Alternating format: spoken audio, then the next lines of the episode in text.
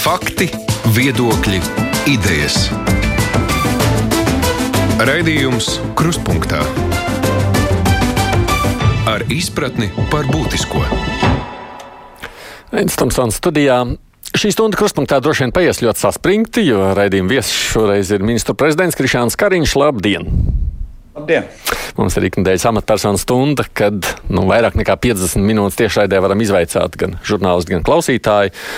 Nu, lai nu kas valdības darbs tagad noteikti ir uzmanības īpašā lokā. Premjeram gatavu uzdot jautājumus ir Māris Klūga, Latvijas televīzijas ziņdienests. Sveiks, Mārim! Labdien! Un Jānis Kins, Latvijas radio ziņdienests. Sveiks! Uh, un klausītāji jautājums arī gaidu, bet nu, labāk rakstiski izmantojiet to caur mājaslapu raidījumam, kruspunktā mums sūtot savus jautājumus. Kariņkungs, jūs valdība piedzīvo uzticēšanās krīzi, tā varētu spriest pēc SKDS aptaujas datiem, kas rāda, ka arvien vairāk cilvēku jūsu vadītajam ministru kabinetam neusticas. Jūsuprāt, tam ir kāds objektīvs pamats? Esat pelnījuši šādu neusticības vairošanos? Es domāju, jā, ir objektīvs pamats. Mēs visi, visa sabiedrība ir nogurusi no šī Covid, no šīs pandēmijas. Nenoliedzami vairāki lēmumi, kurus mēs pieņēmām, nav bijuši, manuprāt, pareizi. Proti, rudenī mums vajadzēja daudz straujāk pieņemt ierobežojumus, nepieļaujot to lielo augsto saslimstību līmeni, kāds viņš ir. Nu, mums vienkārši ministrs kabinetā nebija atbalsts tādai lietai. Uh, ir gan jau citas lietas, kuras atpakaļ skatoties, uh, varētu teikt, mums uh, vajadzētu uh, labāk izdarīt. Uh, līdzīgi ar ierobežojumiem, tas process, kā mēs nonācām iekšēji kabinetā, bija ārkārtīgi sarežģīts. Ar ļoti, ļoti asām pretrunām starp dažādiem ministriem, ministrijām, uh, Uh, un tas viss, protams, rezultējās ar to, ka uzticība šobrīd ir zemā līmenī. Es to izjūtu. Es domāju, ka pārējie kabineta locekļi to arī, arī izjūt. Jautājums ir, ko mēs no šejienes darām. Bet vai jūs es... uz šo jautājumu atbildot, jūs esat kļuvuši tagad saliedētāki? Zin, tas tāds interesants jautājums, vai valdība Uh, valdība iziet cauri, vai teiks, tās locekļi caur dažādām fāzēm. Ir, ir posmi, kad ir vairāk saliedēti, tad ir mazāk. Šobrīd gan uh, manā vērtējumā varētu teikt, ka ir vairāk, jo daudz jau arī saprata, ka tas posms, ka katrs ministrs ārpus valdības sēdes vēl kritizēja pašu pieņemtos lēmumus, jo visi lēmumi pieņemti uh, tomēr koleģiāli bez balsojumiem. Un tad pēc tam kritizē tas jau nu, saka, katrs kādu laiku domāja, ka pacelsies uz to citu kolēģi rēķinu, un tad izrādās velku visu uh, atbalstu uz leju. Tas ir izbeidzies, tādā ziņā mēs esam saliedētāki. Bet ne jau tas, vai mēs esam, neesam saliedēti, ir, ir tas, kas ir vajadzīgs. Ir vajadzīgs, ka nu, vēlams viena saliedēta komanda tomēr pieņem saprotamākus lēmumus. Nu, jā, bet no tur jau tā problēma. Kāpēc? Tā, jā, tā problēma jau, kāpēc mums šķiet, jūs nepieņemat šos lēmumus, ir tāpēc, ka jūs katrs domājat par savu un beigās nepieņem neko. Daļai es saprotu, kāpēc viņš tā šķist. Tāpēc arī tagad valdības sēdes ir atklātas. Uh, Uh, kuras aicina, nu, jebkura, nu, tā sēdes ir garas, bet žurnālisti daudz tiešām no sākuma līdz beigām, lai, lai var atspoguļot, lai var saprast, kas un kā. Un savā ziņā tas man arī pēc vakardienas es konstatēju, ka tas man palīdzēs savā ziņā disciplinēt ministru kabinetu, tomēr katram domāt drusku konstruktīvāk, jo ja agrāk varēja slēpties aiz nu, aizklātības plīvura, tagad to vairs nevar darīt. Tātad, mm. ja kaut kas pasaka, ir tas arī jāspēj pamatot. Mm. Un tas jau, es domāju, uzlabos darbību. Uh, mums šobrīd uh, izskatās, ka atkal tomēr, nu, tie saslimstības skaiti uh, tomēr lēnām iet uz leju, kas ir pareizais virziens. Mēs skatām, kā ieiet tagad jaunajā, nu, jaunajos apstākļos, tas, ko es varētu saukt par drošo sadzīvi, nu, ar, ar skolas režīmu, veikalu režīmu, pakalpojumu režīmu. Tie tagad tiek definēti. Vakar mēs pieņēmām lēmumu spērt nākamo soli. Tātad tika izstrādāts, kādā, kādos apstākļos skolas varētu atsākt darbību, un tagad mēs atbilstoši, nu, kur ir pašvaldības, kur ir zemes saslimstības līmenis, mēs tagad arī 1. un 4. klasu no jaunadēļ plānojam arī atvērt. Tātad izstrādājam modeli un viņu sākam iedzīvināt. Es domāju, ka tas arī pakāpeniski uh, atņems spriedzi, bet, protams, kamēr šis vīrus ir, kamēr tā, tā pandēmija plosās ne tikai Latvijā, bet visur pasaulē un Eiropā, tikmēr būs grūti, jo ne mūsu valdība, ne viena cita valdība nevarētu šajā brīdī pieņemt populārus lēmumus, jo cilvēki prasa nesavienojamo. Viņi prasa pilnu brīvību, protams, un nekādu sasinstību. Nu, diemžēl tās lietas vienlaikus nevar tik viegli, nu, viņas nevar salikt. No nu jā. ok, kolēģi, kurš pirmais no jums? No. Karinkungs, tad vēl patur, paturpinot par to uzticību, tad ko jūs plānojat darīt, lai uzticība valdībai palielinātos? Nu, es, es eh, varu atkārtot, ka viens ir eh, aicināt jūs un citus iekšā valdības sēdēs, lai jūs redzētu, eh, kā lēmumi tiek pieņemti, un arī saprast, ka nav tā, ka viens domā ļaunprātīgi un, un, un otrs ne, bet ka ir tiešām dažādi leģitīmi argumenti, kur mēs izsveram un meklējam vislabāko ceļu uz priekšu.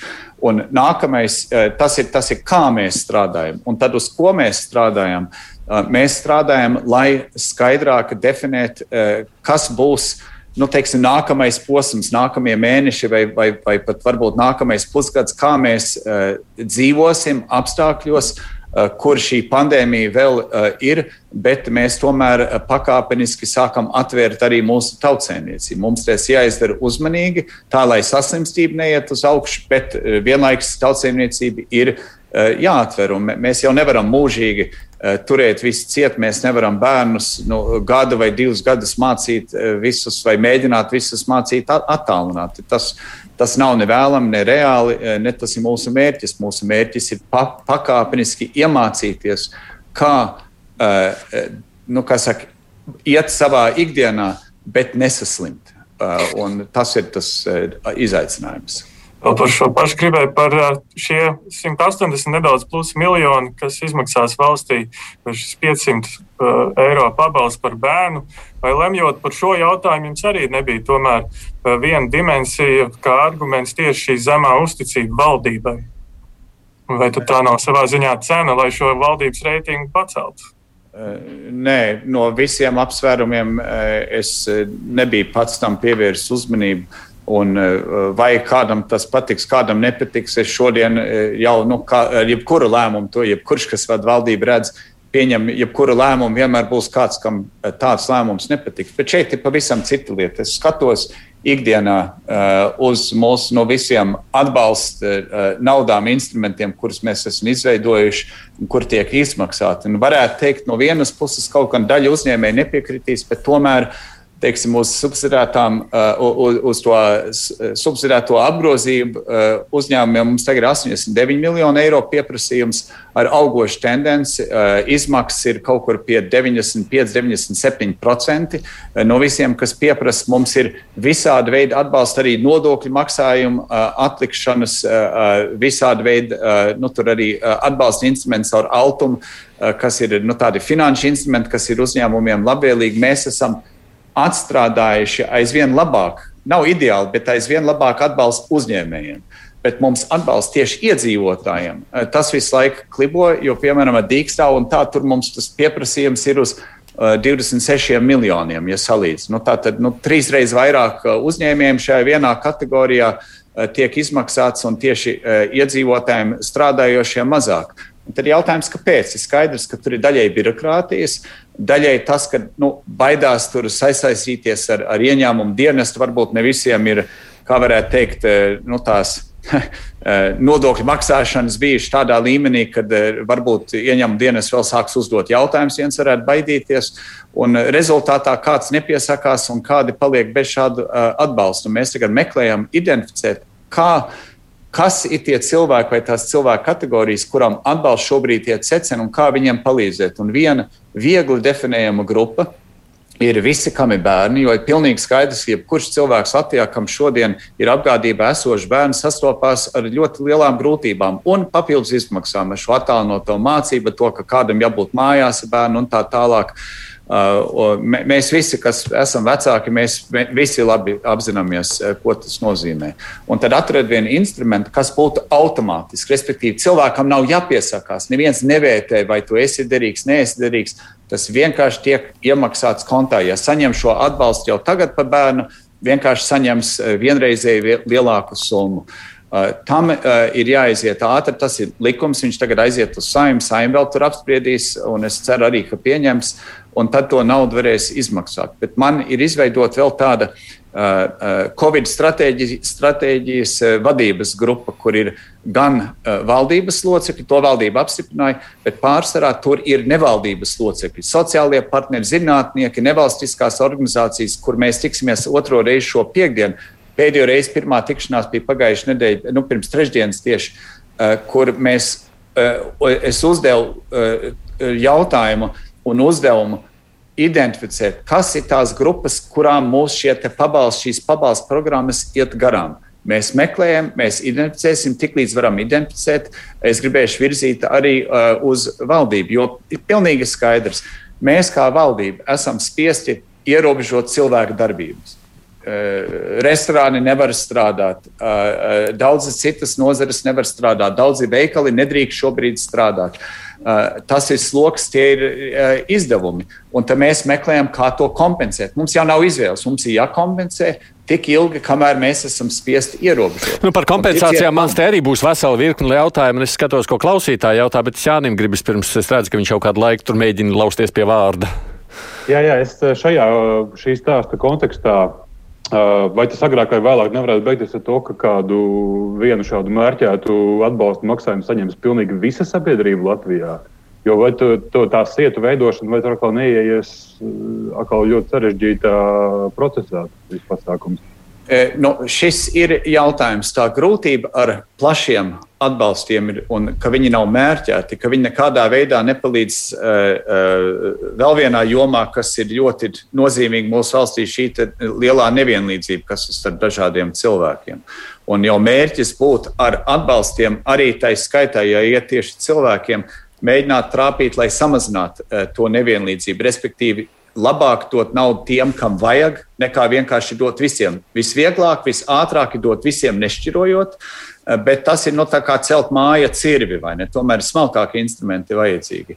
Un šajā gadījumā eh, tas mērķis, kas ir un kas ir uzdots un, un lūgt šeit strateģiskai padomēji, ir palīdzēt identificēt mērķiecīgi, kas ir tās grupas, kas ir garām. Un mēs, mēs zinām vairākas grupas, piemēram, uh, nu, tie, kas ir radošajā sektorā, mums ir uh, vesela ministrija, kultūras ministrija, kas nodarbojas ar šiem jautājumiem un ir kontaktā šādiem cilvēkiem, kas ir palīdzējuši valdībai identificēt, kas ir tur konkrētas grupas un kā mēs varam viņiem sniegt uh, konkrētu atbalstu, jo viņiem arī ir, ir liekt šajā laikā strādāt. Bet te nu gan es iejaukšos, nu, pieņemsim Evijas vēstuli rakstītā.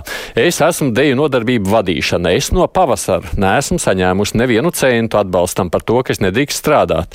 Uz jautājumu, kā pabarot bērnu, saņēmu no kultūras ministrijas atbildi. Rakstīts tā, jā, mēs esam sapratuši, ka ir kategorijas, kuras specifikas dēļ izkrīt cauri atbalsta tīklam.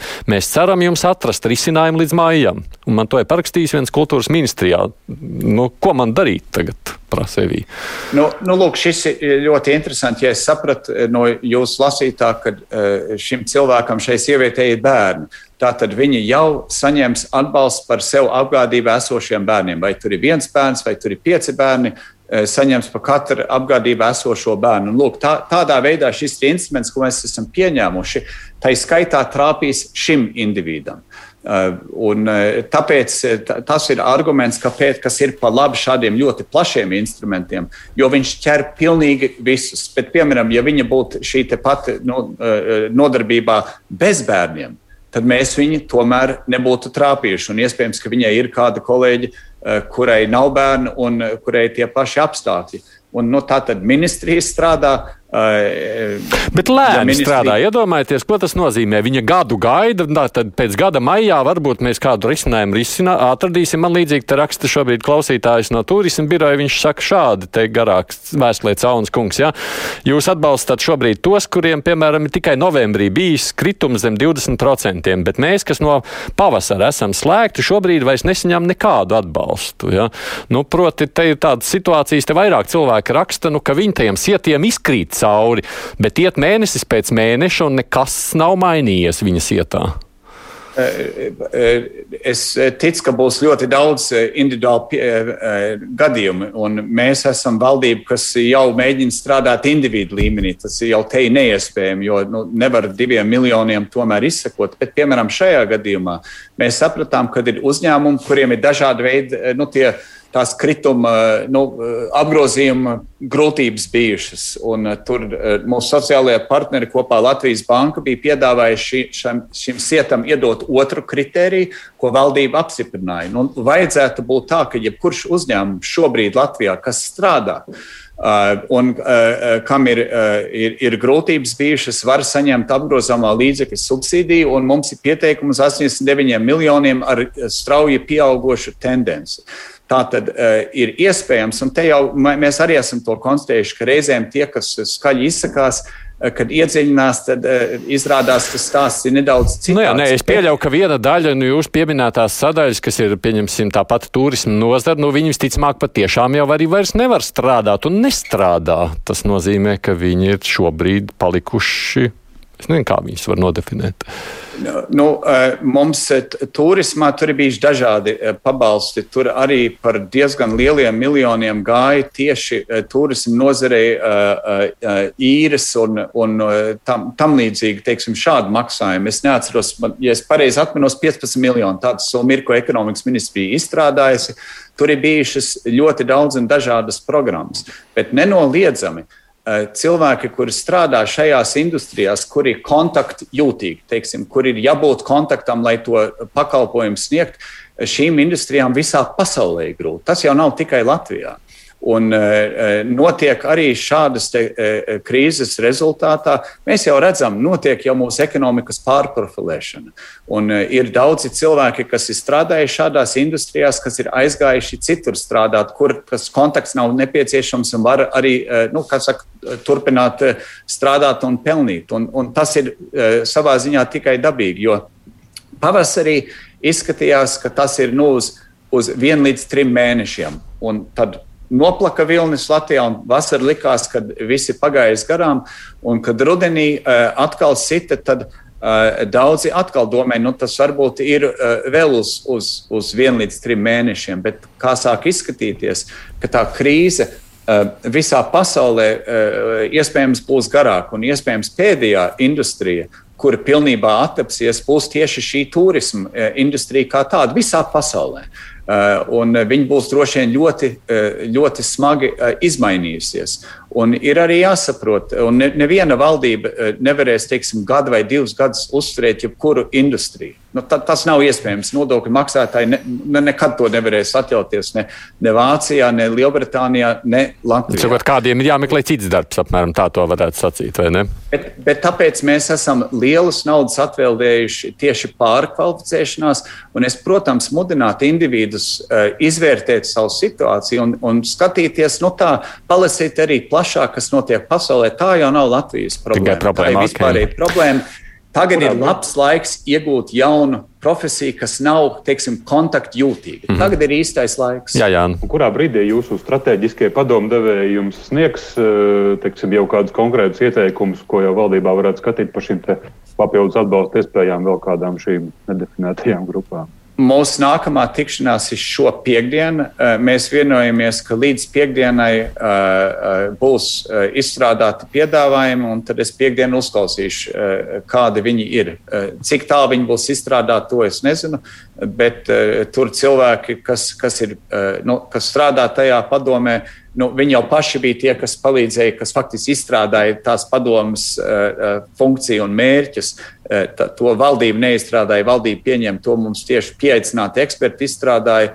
Nu, tagad uh, redzēsim, un es ļoti ceru, ka viņi, uh, ka viņi uh, varēs piedāvāt un palīdzēs mums saredzēt to, ko līdz šim mēs neesam varējuši saredzēt. Māri. Jā, vēl par atbalsta pasākumiem tieši strādājošiem, kas šobrīd strādāt nevar. Kāpēc mums tā sistēma valstī ir tāda, ka labākajā gadījumā tu šo atbalstu, ka tu nevari strādāt, vari saņemt mēnesi vēlāk. Proti, tev jāparāda ir apgrozījuma kritums, kamēr notiek vērtēšana vidi. Kritērija pārbauda, kāpēc nav tā, ka tev aizliedz valdību strādāt, un tu uzreiz saņem šo atbalstu. Es nezinu, vai ir jebkura valsts Eiropā, kur tādā veidā strādāt. Nu, parasti tas ir atpakaļ ejoši. Piemēram, ja mēs gribam saprast apgrozījumu kritumu, no apgrozījuma krituma tikai redz pēc tam, ka viņš ir kritis. Nu, ja, ja, ja, ja nu, pirmdien ne, vēl nezinu, kas ir piekdiena, nu, kā saka, piekdiena redz, kas ir pa nedēļu bijis. Nu, tā. Ja tā ir kompensācija tieši par to, ka jūs nedrīkstat strādāt. Bet Nevis viņi arī to, ka mēs jums mēģinām palīdzēt kaut kā izdzīvot, bet tieši mēs kompensējam to, ka jūs nedrīkstat šobrīd strādāt. Nu, vēlreiz, iespējams, ka kāds varētu eh, izstrādāt vienu eh, labāku mehānismu, eh, kā to naudu varētu tūlīt samaksāt. Es pat tādu mehānismu nezinu. Mums pie šie strādāja gan ministrija cilvēki, gan arī visu nozari cilvēki. Te nav tā, ka te valdība strādājas atraut no nozara pārstāvjiem. Tie nozara pārstāvji ir pilnīgi visās darba grupās, pilnīgi visās valdības sēdēs klāt arī pie tās lemšanas.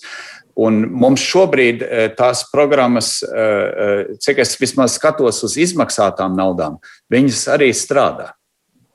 Labi, vēl viens jautājums par pagājušās nedēļas lēmumu par atbalstu lauksaimniekiem. Kāpēc, tad, salīdzinot piemēram ar šīm diskusijām par atbalstu ģimenēm, kuras iet vairākas nedēļas, tajā pašā laikā 45,5 miljonu zemkopības ministrijai eh, tika pieņemta valdībā pilnīgi bez nekādām diskusijām. A sadaļā kopā ar dažādiem tehniskajiem jautājumiem, kaut gan ministrija pat faktiski nav izstrādājusi kritērijas nosacījumus, kā tieši šī nauda tiks sadalīta. Vēlreiz šī ir daļa no mūsu uzņēmēju atbalsta eh, programmas. Mums notiek viss darbs eh, finanšu ministra vadītā darba grupā. Eh, kur strādā finanšu ministrs ar, ar, ar saviem cilvēkiem, ekonomikas ministrs saviem cilvēkiem, zemkopības ministrs saviem cilvēkiem, vēl no citām šīm ministrijām satiksmes un, un citām, laikam arī varam, un arī pretēji klāt ir nozara pārstāvja, Latvijas bankas pārstāvja, tur kopā kā 50 līdz 60 cilvēkiem katrā šajā sēdē ir. Viņi izstrādā uh, visus šos kritērijus, atbalsta mehānismus, un tad, kad ir vienprātība tur, tad viņš arī aiziet uz valdību, kur mēs, nu, kā saka, ne citi ministri, nespeciālisti, nu, parasti nemēģina no jauna izlobīt visus argumentus. Bet tas ir daļa no mūsu plašās uzņēmējdarbības, jo zemkopības nozara Eh, kā mēs zinām, ir viena no mūsu spējīgām eksporta nozarēm. Un mūsu eksports šobrīd ir tas, kas velk mūsu valsts uz priekšu. Mēs faktiski, kā Latvijas banka man eh, nu, pat tās teica, ka, Latvija, ka mūsu ekonomika faktiski šobrīd tādā tā kā izaugsmas fāzē. Tas daudziem skan neticami, eh, jo mums ir tik ļoti nevienāda tautsēmniecība šobrīd. Savā ziņā viņa, viņas dažādība ir mūsu spēks kad dažām nozarēm tās, kas spēj eksportēt ārpus valsts robežām, Visur ir izaugsme. Vairākās nozarēs ir rekordi izaugsme. Ar eh, pērnā gadā pēdējos mēnešus bija visu laiku augstākais Latvijas eksports, kāds vispār jebkad naudas izteiksmē ir bijis. Un šīs nozares ir tā, kas velk mūsu valsts uz priekšu un ļauj mums arī palīdzēt tām nozarēm, kurām ir aizliegts strādāt, vai kur Covid eh, kā pandēmija neļauj strādāt, no nu, turismu, restorānu un tā tālāk. Eh, tātad šis ir daļa no atbalsta mūsu uzņēmējiem. Mēs, protams, mēs turpināsim meklēt, kā vienlaikus atbalstīt mūsu ekonomiku, lai viņi varētu turpināt attīstīties, un lai tie, kuri šobrīd nedrīkst strādāt, lai viņi būtu spējīgi nu, saka, atsākt darbu tik līdz apstākļi ļauj. Bet es tagad pievēršu vairāk uzmanību, jo tur ir daudzi cilvēki, kas strādā pie tā uzņēmēja darbības sfēras. Un es redzu, ka kas mums sāk iztrūkt, ir tieši, varētu teikt, iedzīvotāji. Tāpēc mēs ģimenes pabalstu, tas ir viens, kas ir izgājis un meklējam citus. Un man ir jālīdzsvaro abi šie. Jo, protams, tā nauda ekonomikā tā jau nāks atpakaļ. Par uzņēmējiem tomēr mēs vēl turpināsim. Es tikai atgādinu, šeit mums ir kolēģi, kas izjautā ministru prezidentu Kišānu Kariņu, Mārs Klūgu no Latvijas televīzijas, Jānis Kins no Latvijas raģio ziņdienesta. Raidījums Krustpunktā. Audas kundze te prasa, bet tā tad Latvija varēja saņemt ekonomikas atjaunošanai 2 miljārdus eiro un pieteicās 1,65 miljārdiem eiro. Tas vakar nācis arī tika vēlreiz izrunāts raidījumā viens pret viens. Bet tur Dālders nevarēja atbildēt, kāpēc mēs paņēmām mazāk. Vai jūs varat atbildēt? Es raidījumu, diemžēl, neredzēju, bet es pats esmu viens no Eiropas valstu vadītājiem, kas pieņem šo atbalstu kā tādu. Un tas atbalsts ir balstīts uz formulām, kas ir tieši saistīts ar katras valsts ekonomisko rezultātu 20. un 21. gadā. 21. gads tikai sācies, mēs vēl nezinām. 20. gadu laikam tagad zinām, cik liels ir bijis vai nav kritums. Un tā nauda katrai dalību valstī ir tieši ir, ir tiešā veidā atvasināma uz to, cik krita vai nekrita ekonomika. Nē, es saprotu, tas, ja es pareizi saprotu, Karīņa kungs, tas stāsts šobrīd vismaz publiskajā telpā ir tā, ka mums Eiropas nauda pienāktos 2 miljārdi, bet mēs ņemam tikai 1,65, jo mēs neesam spējīgi paņemt vairāk. Tā tas ir vai nav? Tā tas nav. Nu, es ticu, ka kāds to ir pateicis, bet mums naudu piešķirs tieši proporcionāli, cik mums krīt vai nekrīt ekonomika. Jo mazāk mums krīt ekonomika, jo mazāk mums sniegs naudu. Jo vairāk mums kritīs ekonomika, jo vairāk mums sniegs naudu. Nu, Tātad tie, kas grib vairāk naudas, viņi, viņi jās, jāsaprot, ka viņi cer uz lielāku ekonomikas kritumu. Tātad visu, valdība... visu, kas mums pienākas, visu mēs paņemsim. Nu, tagad tas skan mazliet, viņi varbūt tā, nezinu, parūpīgi, bet nu tā. E, es neesmu pat izpratis, e, ka šeit vispār varētu būt runa par šo. Mm, e, okay. Mums ir konkrēti tātad, tas jautājums, kas tagad ir, ir mēs esam iesnieguši, un tas ir izstrādāts valdībā diezgan smagnējā procesā, kā viss mums iet ar piecām koalīcijas partijām, bet mēs arī ar, ar darbdevējiem, darbņēmējiem tajā trīspusējā sadarbības padomē to saskaņojām un aizsūtījām uz Eiropas komisiju, kad vērtējam, kādā veidā mēs šo naudu gribētu uh, ieguldīt mūsu ekonomikā. Šeit Eiropas komisijai ļoti uh, Eh, eh, stingras vadlīnijas. Tas nav tikai daudzgadu budžeta naudās, te ļoti stingri. Un tam mēs redzēsim. Es, es vēl neesmu redzējis, kas ir. Par to, plānu, jā, par to plānu mums būs diskusija. Tajā droši vien šobrīd neiedziļināsimies. Tur mēs veidosim atsevišķu diskusiju. Bet jā, Labi. tas bija tas pamatustādījuma jautājums. Jā, varbūt tu vari turpināt. Ar... Jā, nu, turpinot par lielu naudu, varbūt nedaudz mazāk liela nauda, bet tomēr vakardien arī valdībā lēmāt par pusmiljarda papildus novirzīšanu līdzekļiem neparedzētiem gadījumiem. Skatos, tikai februāra vidus. Nu, citās iespējas e, turpināt novirzīt lielas summas šiem mērķiem, ir, tad e, viņas ir tiešām nebeidzamas. Nē, protams, nebeidzams nekas nav. E, visa tā nauda, ko mēs virzam, vai tas ir uzņēmēju atbalstam, vai tas ir iedzīvotājiem atbalstam, tā ir aizņemta nauda. Nauda, ko mēs aizņemamies kā valsts finanšu tirgos, uh, Šobrīd Latvijai ir ļoti labs kredītreitings. Mūsu valstī, mūsu valdībai eh, ārzemēs ļoti eh, spēcīgi uzticas. Eh, tas nozīmē, ka mums investori maksā naudu, lai mēs tik viņu glabātu viņiem. Un tas nozīmē negatīvas likmes. Mums jādod mazāk nekā mēs aizņemamies šobrīd. Un e, mēs, es, mēs visu laiku skatāmies, es arī regulārā, tiešām regulārā kontaktā esmu gan ar Fiskālās disciplīnas padomu, gan arī ar Latvijas banku, e, kuras abas ir ļoti interesētas, e, nu, teikt, skaļi brīdināt, ja mēs tuvotos jebkādam slieksnim, ka mēs vairāk aizņemties nevaram. Un šobrīd mums Eh, tas slieksnis vēl uh, ir patālu. Mums uh, kopējais ārējais parāds ir ap 47% no iekšzemes koprodukta. Tās ir absolūtā ziņā diezgan palielas naudas. Protams, Eiropas Savienības kontekstā laikam tas slieksnis ir 60%, kas ir tāds nu, slieksnis, ko nedrīkst pārspēt. Un, protams, vairākas valstis pārsniedz 100 un 110% no sava iekšzemes koprodukta. Latvijai kopumā ir salīdzināmi ļoti mazs parāds. Tātad tas absolūtais līmenis šobrīd mums nav problēma. Mēs varēsim viņu atmaksāt pat bez lielām grūtībām, ja mūsu ekonomika augs. Un tāpēc lielais jautājums ir, ja mēs aizņemamies šo naudu, ko mēs darām ar viņu? Vai mēs viņu, nu, kas saka, gudri izlietojam, vai netik gudri izlietojam. Tātad pirmkārt mēs visu koncentrējam sākotnēji, jo nezinājām, cik ilgi tas būs tieši uz uzņēmumiem un uz dažādu veidu uzņēmumu atbalstiem un uzņēmumu darbinieku atbalstiem, dīkstāvus pabalstiem, lai ne, ne, nekāptu mūsu bezdarbs, lai, cil, lai cilvēki, kas strādā, varētu saņemt no valsts šobrīd algu, lai viņi nu, varētu teikt, mājās varētu palīdzēt bērniem un tā, un gaidīt, ka varētu atsākt strādāt, un lai mūsu ekonomika varētu pēc iespējas ātri. Tas pavasarī pierādījās pareiza taktika, mums nepieauga bezdarbs Eh, eh, un eh, mums ekonomika ļoti strauji attīstījās. Mēs tagad rudenī, ziemā pie, piekopjam to pašu taktiku. Tātad tā nauda mums atmaksāsies. Mēs arī Protams, skatāmies atbalstīt iedzīvotājs un šīs pašas naudas, kas tagad tiks izmaksātas ģimenēm par bērniem, tā nauda jau arī neies zudībā. Tā nauda aizies vienā ģimenē, lai nopirktu bērnam datoru vai kādu citu viedu ierīci, citur tas aizies saka, citām nepieciešamībām, kas visām ģimenēm ir, un tā nauda ieies atpakaļ mūsu ekonomiku par, vien, par vienām durvīm vai par otrām durvīm. Un tā tad, ja, mē, ja mēs spēsim audzēt mūsu ekonomiku, mēs spēsim arī naudu sadot. Un tāpēc tas tas, tas eh, Eiropas atvesļošanas fonds, nu, šis aptuveni divi miljardi, nu, lai mēs neiestiktu atkal eh, eh, tajos nu, runās par to, cik tā nauda ir vai nav.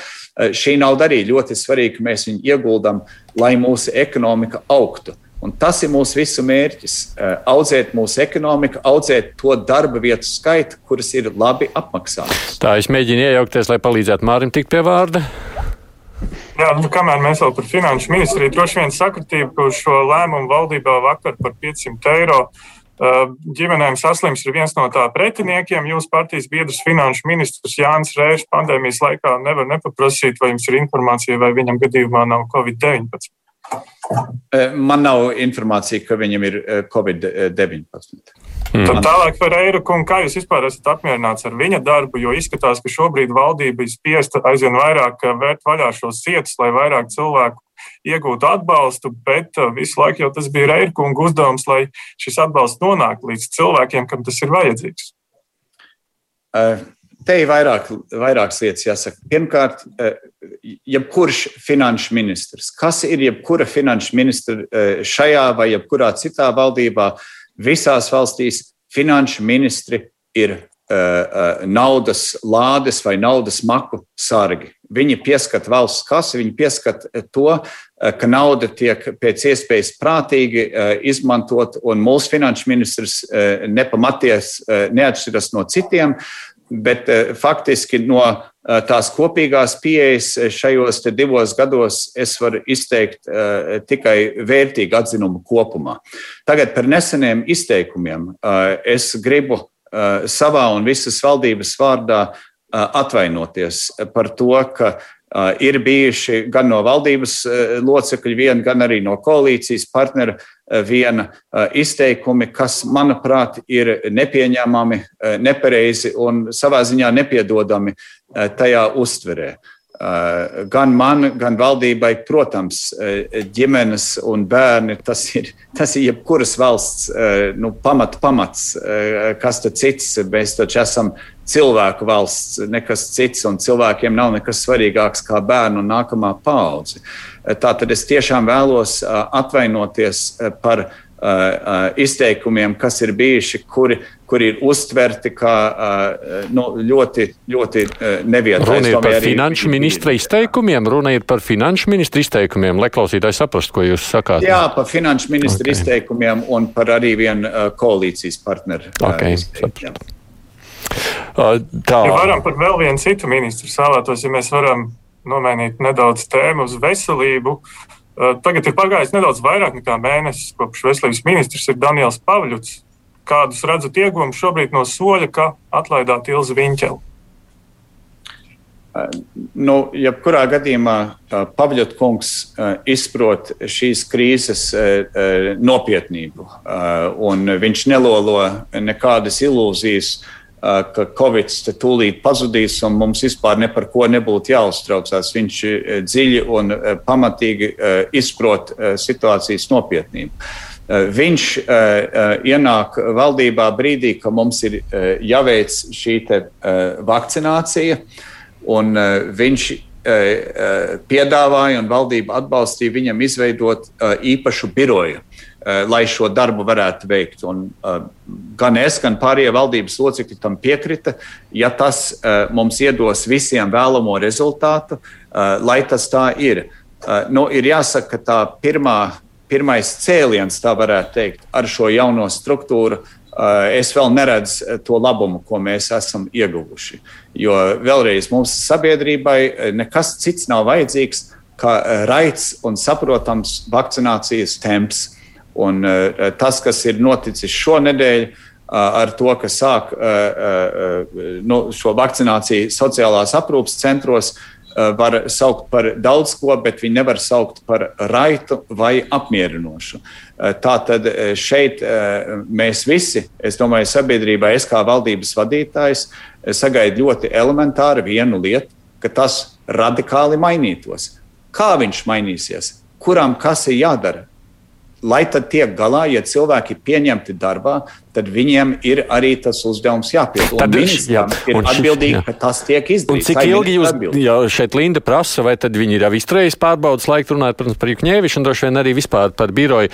Cik tad jūs dosiet to laiku un sacīsiet, ka viņiem tas ir jādara, vai kādā brīdī jūs teiksiet, nu vai nu te, vai, vai kaut ko vēl radikāli jāmaina? Nu, redz, eh, eh, tādā valdības darbības hierarhijā Uh, es uh, neteikšu, vai birojas darbai nevar, nedara labu darbu. Es būšu tas, kas teiks, vai ministrs darbai nedara labu okay. darbu. Ministram ir jāvērtē birojas, un ministram ir jāpanāk no šī biroja rezultāts. Cik ilgu laiku dodat? Cik ilgu laiku dodat?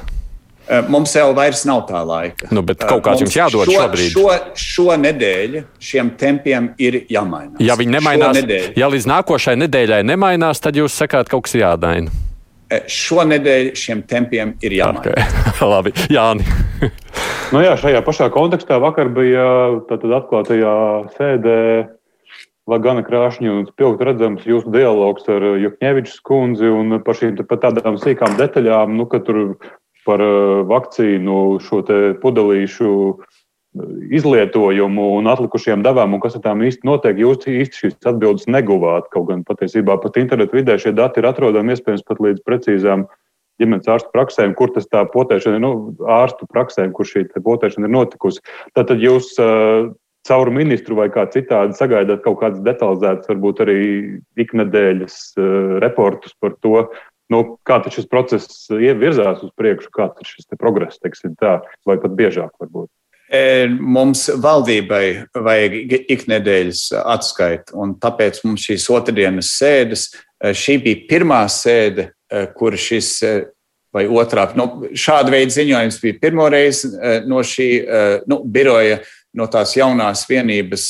Tāds mums ir vajadzīgs katru nedēļu, un mums vajag katru nedēļu skaidra atskaita Eh, cik uh, ir vakcinēti, un uh, pēc pieprasījuma, ja rodas kādas neskaidrības, nu, jābūt kādam, kas, kas var atbildēt sīkāk detaļās. Un ta, tas jau ir, es jau neesmu naivs, es saprotu, ka tas ir sarežģīti. Bet mums uh, ir jāpārvar sarežģītība. Tas ir tas, ko jebkurš sagaida no valdības, tas, ko visi sagaida no manis, un tas ir, protams, tas, ko es sagaidu no komandas. Šodien, starp citu, esat Kā lūdzu? Šodien, starp citu, esat saņēmis atbildi uz savu jautājumu, kas notika ar tām pārējām devām flakonā. Svētdien jau vakcinēts viens cilvēks. Nē, e, es e, vēl līdz šī raidījuma sākumam e, neesmu tādu atbildi saņēmis. Kaut gan es visu dienu es atzīšos, es esmu arī bijis samērā aizņemts. Labi, kolēģi, vēl iespējas jautāt. Es varu, protams, arī iet man klausītāja jautājuma nu, gūzma, bet. Protams, nu, arī ir vēl ko, nu, ko jautāt. Sakiet, jā. Jā, tad pirmkārt, jūs arī, Kariņkungs, esat viens no nedaudzajiem, kas ir saņēmis pirmo poti. Tagad, skatoties uz šo procesu, kā notika amatpersonu eksprezidenta vakcinēšana, vai redzat kādas kļūdas tajā? Ta, tas jau jums būtu jāsaka, kādas kļūdas vai nekļūdas. Tas lēmums bija vakcinēt Nacionālo drošības komisiju kopā ar ministra kabinetu, tad pieņēma, es pieņemu, ka droši vien laikam tas pats birojas, ka tas viss būtu arī jādara publiskā veidā, lai iedrošinātu cilvēkus vakcinēties, jo tas ir tieši tajā dienā, laikam, kad sāk vai pāris dienas pēc tam, kad sāk sociālās aprūpas centros. Un mēs redzējām, arī valdībā mums sniedz informāciju, Eh, ka uh, tie iemītnieki ar, ar ļoti liels procents, gandrīz 90% izteica gatavību vakcinēties, kas ir labi, bet starp darbiniekiem tie, kas pārnēsā, burtiski pārnēsā iespējams šo slimību, tikai kāda trešā daļa.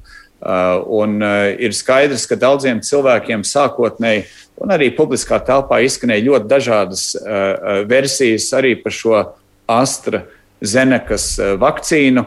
Uh, un, lai kliedētu uh, bažas, uh, nu, vai tā vakcīna ir droša un kas notiek, tad, nu, kā varētu teikt, tad kamera priekšā tas man pašam bija tāds saldīgs piedzīvojums. Es laikam neesmu mūžā un droši vien atkal otrreiz nenoņemšu kreklu nost tik daudz kameru priekšā.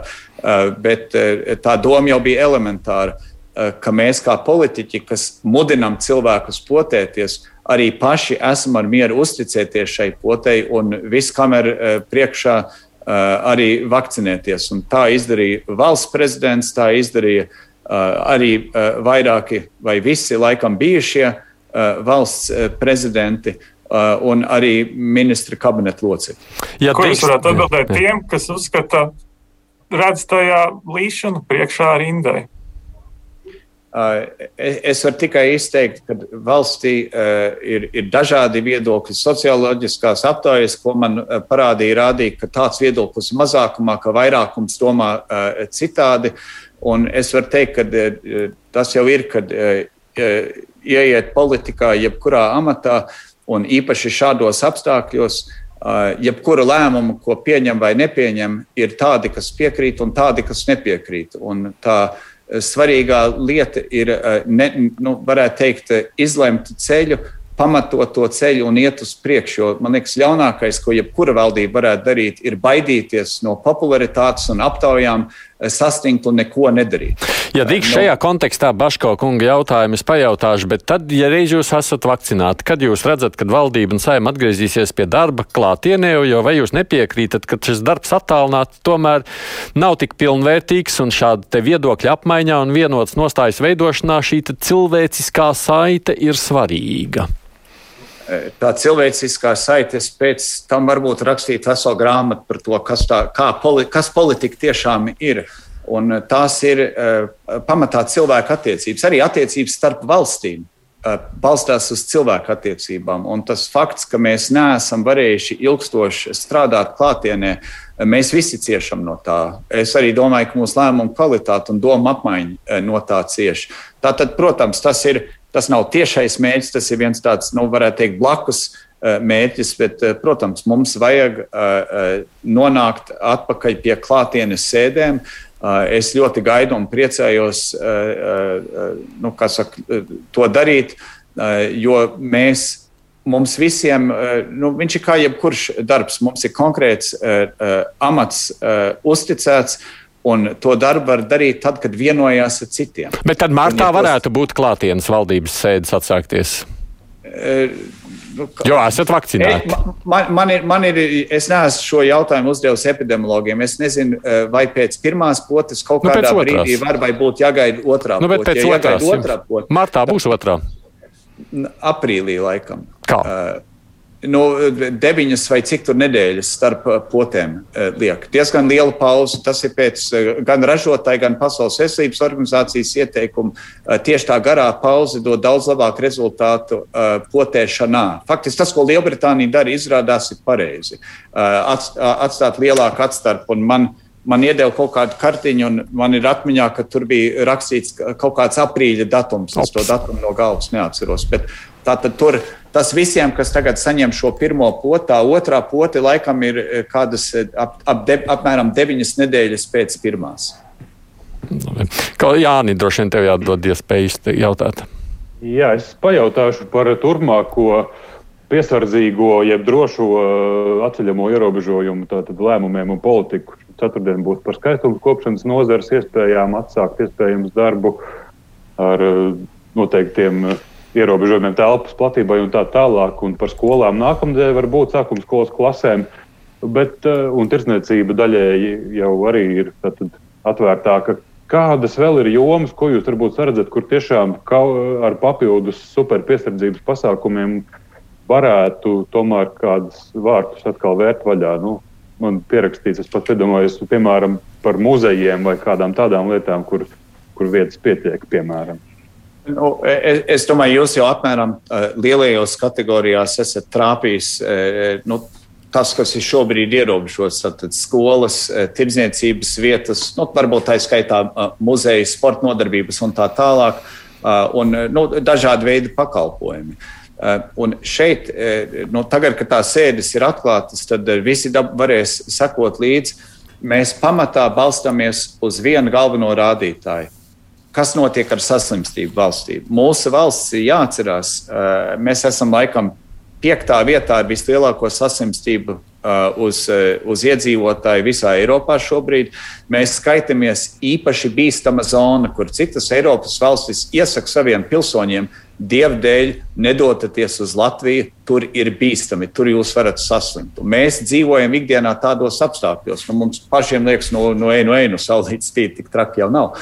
Bet faktiski tā situācija ir gana nopietna. Mums katru dienu simtiem cilvēku, pie 800 cilvēku mums vidēji saslims izskatās, ka eh, nu, tagad atkal tā uh, tendence ir uz leju, bet mēs ieklausāmies, mēs visu laiku esam ieklausījušies uz epidemiologos un infektologos, uh, kad un kā ir būtu drošāk kaut ko vērt vaļā. Un faktiski tas, ko viņi visi saka, tas, ko arī Eiropā ir atzīts, mēs skatāmies, ko Vācija uh, dara, uh, tas ir zem šī 200 uz 100 tūkstoši. Un mēs vēl esam virs 500. Tātad mums vēl tas ir kādu attālumu prom. Bet tas, mēs arī labi izprotam, ka mūsu, teiksim, epidēma, tīri epidemioloģiski runājot, mums pilnīgi nekas nebūtu grozāms. Tas ir tas, ko mūsu epidemiologi saka. Bet mēs arī saprotam, ka visām sabiedrībām, un katra sabiedrība ir dinamiska, mēs visi esam noguruši. Mēs taču to ikdienā redzam un dzirdam. Nu, neesam mēs tādā ziņā atrauti, kā visu laiku eh, grib pārmest. Nu, saprotam mēs to. Un tagad ir jautājums, ņemot vērā sabiedrības lielo nogurumu, vai mēs varam kaut ko tomēr nedaudz mainīt, kas nāk pretī sabiedrībai, bet kas nepasliktinās saslimstību. Un tas ir tas, ko, tagad definējas skolām. Ja ir pašvaldības, un izrādās mums Latvijā ir, kur saslimstība ir zem šī 200, tad sāksim tur ar mazām klasītēm. Jau drošākos apstākļos ar, ar maskām, ar vēdināšanām, dezinfekcijām un tur, cik bērni klasē. Un ja pierādīsies un ir aizdoms, ka tā vajadzēja būt, ka tur nevajadzētu izplatīties vairāk slimībai, mēs tad varētu to paplašināt. Un līdzīgi ir uh, runa tagad par to, ko varētu darīt ar tirdzniecību. Tātad mēs jau samazinājām, cik cilvēki drīz būtu vienlaikus veikalā, un rodas atvērts jautājums, ja mēs atvērtu vēl kādus, teiksim, mazākus veikalus Vai tad tāpēc mums saslimstība iet uz ja augšu? Bērnu apģērbu un apavu, kā saka, ja nu, ja bērns ir izaudzis, un ko tagad darīt? Nav vairs drēbes, kurā bērni jaukt, ielikt. Es pats to kā tēvs zinu, un tad, kad bērni aug, pat ja ir brālītes un māsīņi, viņi mēdz augt, varētu teikt, nesezonā. Tātad brāļa ziemas zābaki derēs nākamajam vasarā, nevis ziemā. Nu, tas ir, tas ir tāds Merfija likums, to mēs visi zinām. Pareizi, bet šis ir tas virziens, kā mēs domāsim. Eh, ja mēs varam to drošo vidi. Uh, nu, viņi nav simtprocentīgi droši, bet nu, viņi tomēr apzināti ar, ar policijas spējām slēgt veikalus, ko mēs vēl varētu vērt vaļā. Un tas ir atvērts jautājums, līdzīgi kā ar pakalpojumiem. Tātad mēs meklēsim uh, nevis gaidīt, uh, nu, tur, nezinu, kad mums nokritīsies uz 200, tas ir ļoti kā kafijas biezumos zīlēt, jo tas temps ir mainīgs, gāja uz leju, tad, tad pusotra nedēļa stāvējis vietas drusku uz augšu, tagad atkal iet uz leju, uh, bet nu, mēs tur vēl neesam. Tā tad neko nedarīt būtu nepareizi, jo mums ir jāsaprot, ka šis arī, pat, pat ja šis vilnis noiet, nu, viņš kaut kad noies, Covid tāpēc nepazudīs. Un mums ir jāsaprot, ka uh, uz priekšu mums būs kādu laiku, varbūt pusgadu, varbūt gadu, varbūt ilgāk, jādzīvo tādā, varētu teikt, nu, drošā sadzīves modelī kur mēs citādi uzvedamies sabiedriskā transportā, piemēram, ar maskām vai mazāk cilvēkiem un maskām, ka mums skolas vide būs drusku izmainīta, lai tur būtu drošāk un mazāk iespēja infekcijas slimībai izplatīties veikaliem, pakalpojumiem un tā tālāk. Jo, ja mums šādā veidā vēl, nezinu, pusgadu vai ilgāk, mēs jau nevarēsim turēt ciet. Tātad mēs tagad strādājam pie tiem drošiem modeļiem un meklējam, kā viņus iedzīvināt dzīvē pakāpeniski. Un veikali jau ir, uh, nu, uh, varētu teikt, solis ir spērts uz priekšu. Es gribētu spērt nākamo soli, un tas mums ir jādara ar, ar atvērtām acīm uz saslimstību, jo tikai tāpēc, ka mēs esam noguruši un liela daļa sabiedrības prasa, nu, pietiek, nu, veriet visu vaļā. Uh, mēs jau nevaram vērt visu vaļā, lai pierādītu, ka ir slikti. Nu, tas saprotiet, ir skaidrs. Tas... Ir pāris minūtes vēl, nezinu, kurš no jums grib mācīties. Pie veikaliem klāt vēl vēlos pajautāt, kā jūs, Kariņkungs, attaisnojat to konkurences nevienlīdzību, ka, piemēram, Rimi un Maksim drēbes var tirgot, bet drēbju veikali, kam tā ir vienīgā prece, tiem jābūt cietis. Eh, tas nav attaisnojums, un tas bēdīgais ir, ka vispār šāda pandēmija parāda, ka nav nekādas taisnības eh, tādā ziņā. Nu, kāpēc uzņēmums, eh, kas eksportē, kāpēc viņš šobrīd nezina, ko iesākt ar savu peļņu, un uzņēmums, kas uzņem turistus, nezina, ko iesākt, eh, jo ir vispār slēgts. Tā ir netaisnība.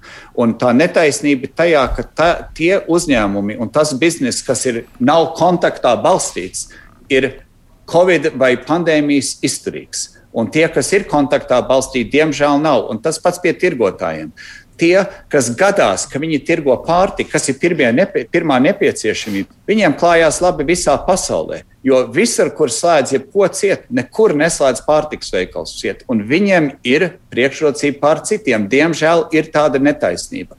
Ko mēs cenšamies darīt, lai atlīdzētu to netaisnību? ir caur dažādiem pabalstiem un atbalstiem, ko saņem tie citi, ne tie pārtiks veikali, viņiem nekas netiek sniegts, bet tie citi, kas cieš. Un tā mēs cenšamies izlīdzēt to pamat netaisnību, kas ir tā pandēmija netaisna.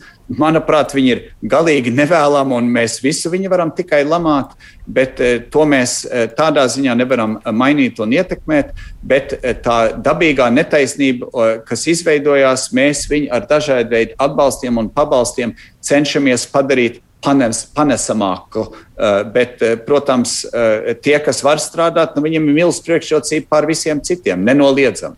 Tāpēc mēs strādāsim, lai turpinātu atbalstīt tos, kurus nevar, turpināt attīstīt eh, un veicināt mūsu vakcinēšanu, lai mēs iegūtu to kopējo imunitāti līdz vasaras beigām eh, un pēc iespējas ātrāk, ka mēs varētu atgriezties nosacīti ikdienis, ikdienišķā dzīvē, bet es domāju, mēs vēl kādu laiku nevarēsim atgriezties tajā pirms pandēmijas laikā, bet mēs varēsim atgriezties tā, ka pamatā visa ekonomika atkal strādāt. Un tas ir mūsu mērķis. Es neriskēšu vairs atļauties uzdot jaunu jautājumu. Piedod Jānu un Māri, tāpēc, ka laiks ir pagājis, un ja mēs vēl paspētu, paspētu pajautāt, tad atbildēt Kariņkungs pilnīgi noteikti vairs nepaspēs. Tāpēc es saku jums, kolēģiem, paldies. Mārs Klūga ir Latvijas televīzijas ziņdienas kolēģis un Jānis Kins, Latvijas radio ziņdienas kolēģis. Es pabeigšu varbūt ar aiz tādu, lai nav, ir, ir starp citu neviena viena vēstulīti, kas ir arī tādiem labiem vārdiem, lai nav tikai sajūta, ka visi kritizē. Aija raksta šādi: Es novēlu Kariņu kungam saudzēt savu veselību, neobjektīvā kritikā neklausīties, jo tik labs premjers mums vēl nekad nav bijis, tāpēc viņam ir jāturas. Tā mums raksta klausītāji. Paldies! Ai, jā, jums novēlot tiešām visu labu. Paldies jums! Tātad ministrs prezidents Krišāns Kariņš arī bija šī raidījuma dalībnieks, jeb atbildēja uz klausītāju jautājumiem. Producenti Kruspunktā ir Revi Junām, studijā bija es, Aits Tomsons.